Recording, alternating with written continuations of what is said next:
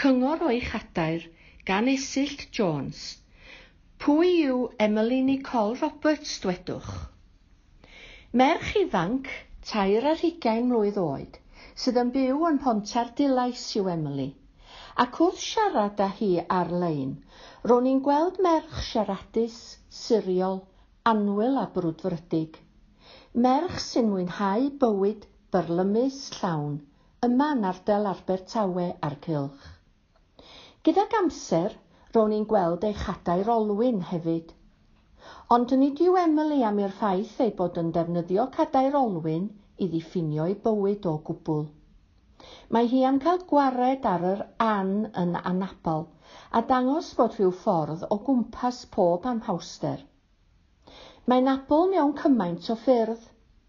Mae'n gweithio'n siop ddillad priodas ei mam yn y dref, yn bennaf yn gweinyddu ac yn edrych ar ôl safleoedd y siop ar ei gwefannau cymdeithasol, gan ei bod yn gyfarwydd iawn ar rhain.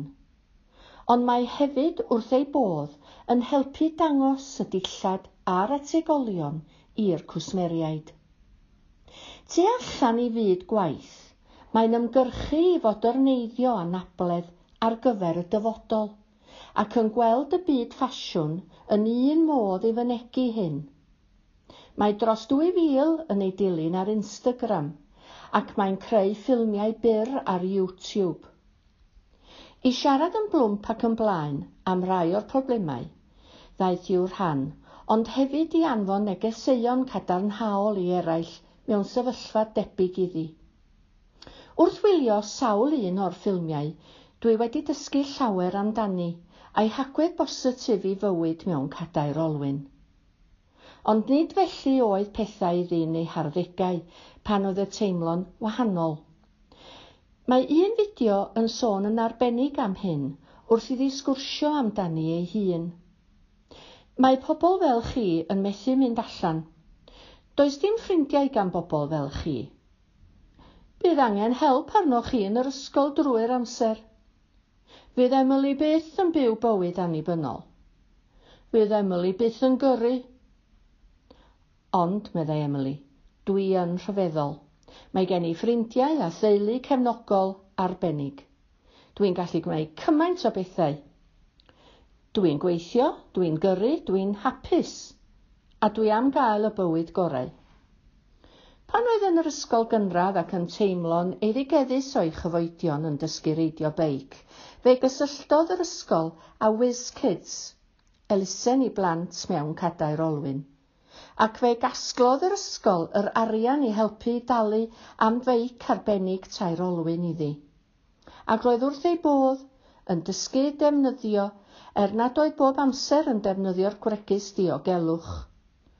Yn wir, mae ganddi un fideo yn dangos sut i gwympo allan o'r gadair ac yna sut i godi ôl iddo.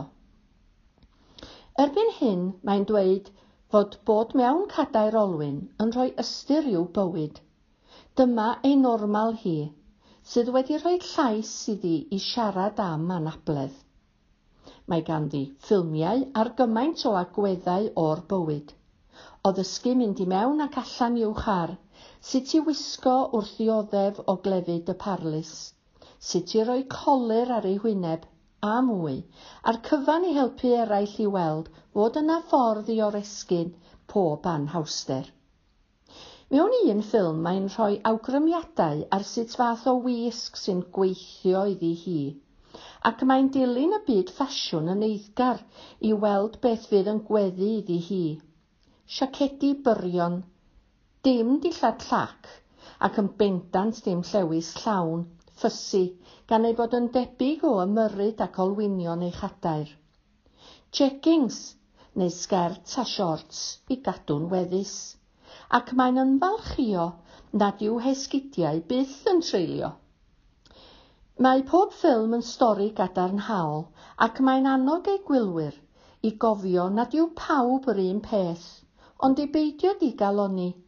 Mae ateb bob amser Mae ei harddull yn frwdfrydig a byrlymus, ac mae llawer o chwerthin wrth iddi gyflwyno ei negeseuon.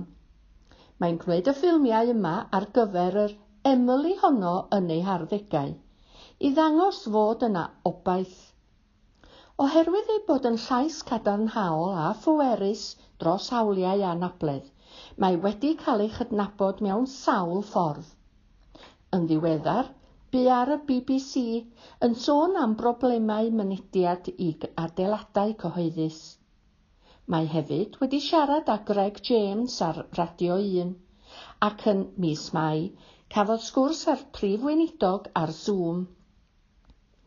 Ym mis Ionawr eleni ymddangosodd ar heno ar S4C a siarad yn frwdfrydig am ei hymgyrchoedd. Mae wedi bod yn dysgu Cymraeg ac yn ymdrechu nawr i wella'i Chymraeg, sydd yn her arall iddi yn ei bywyd prysur, ond fydd yn agor rhagor o ddrysau iddi.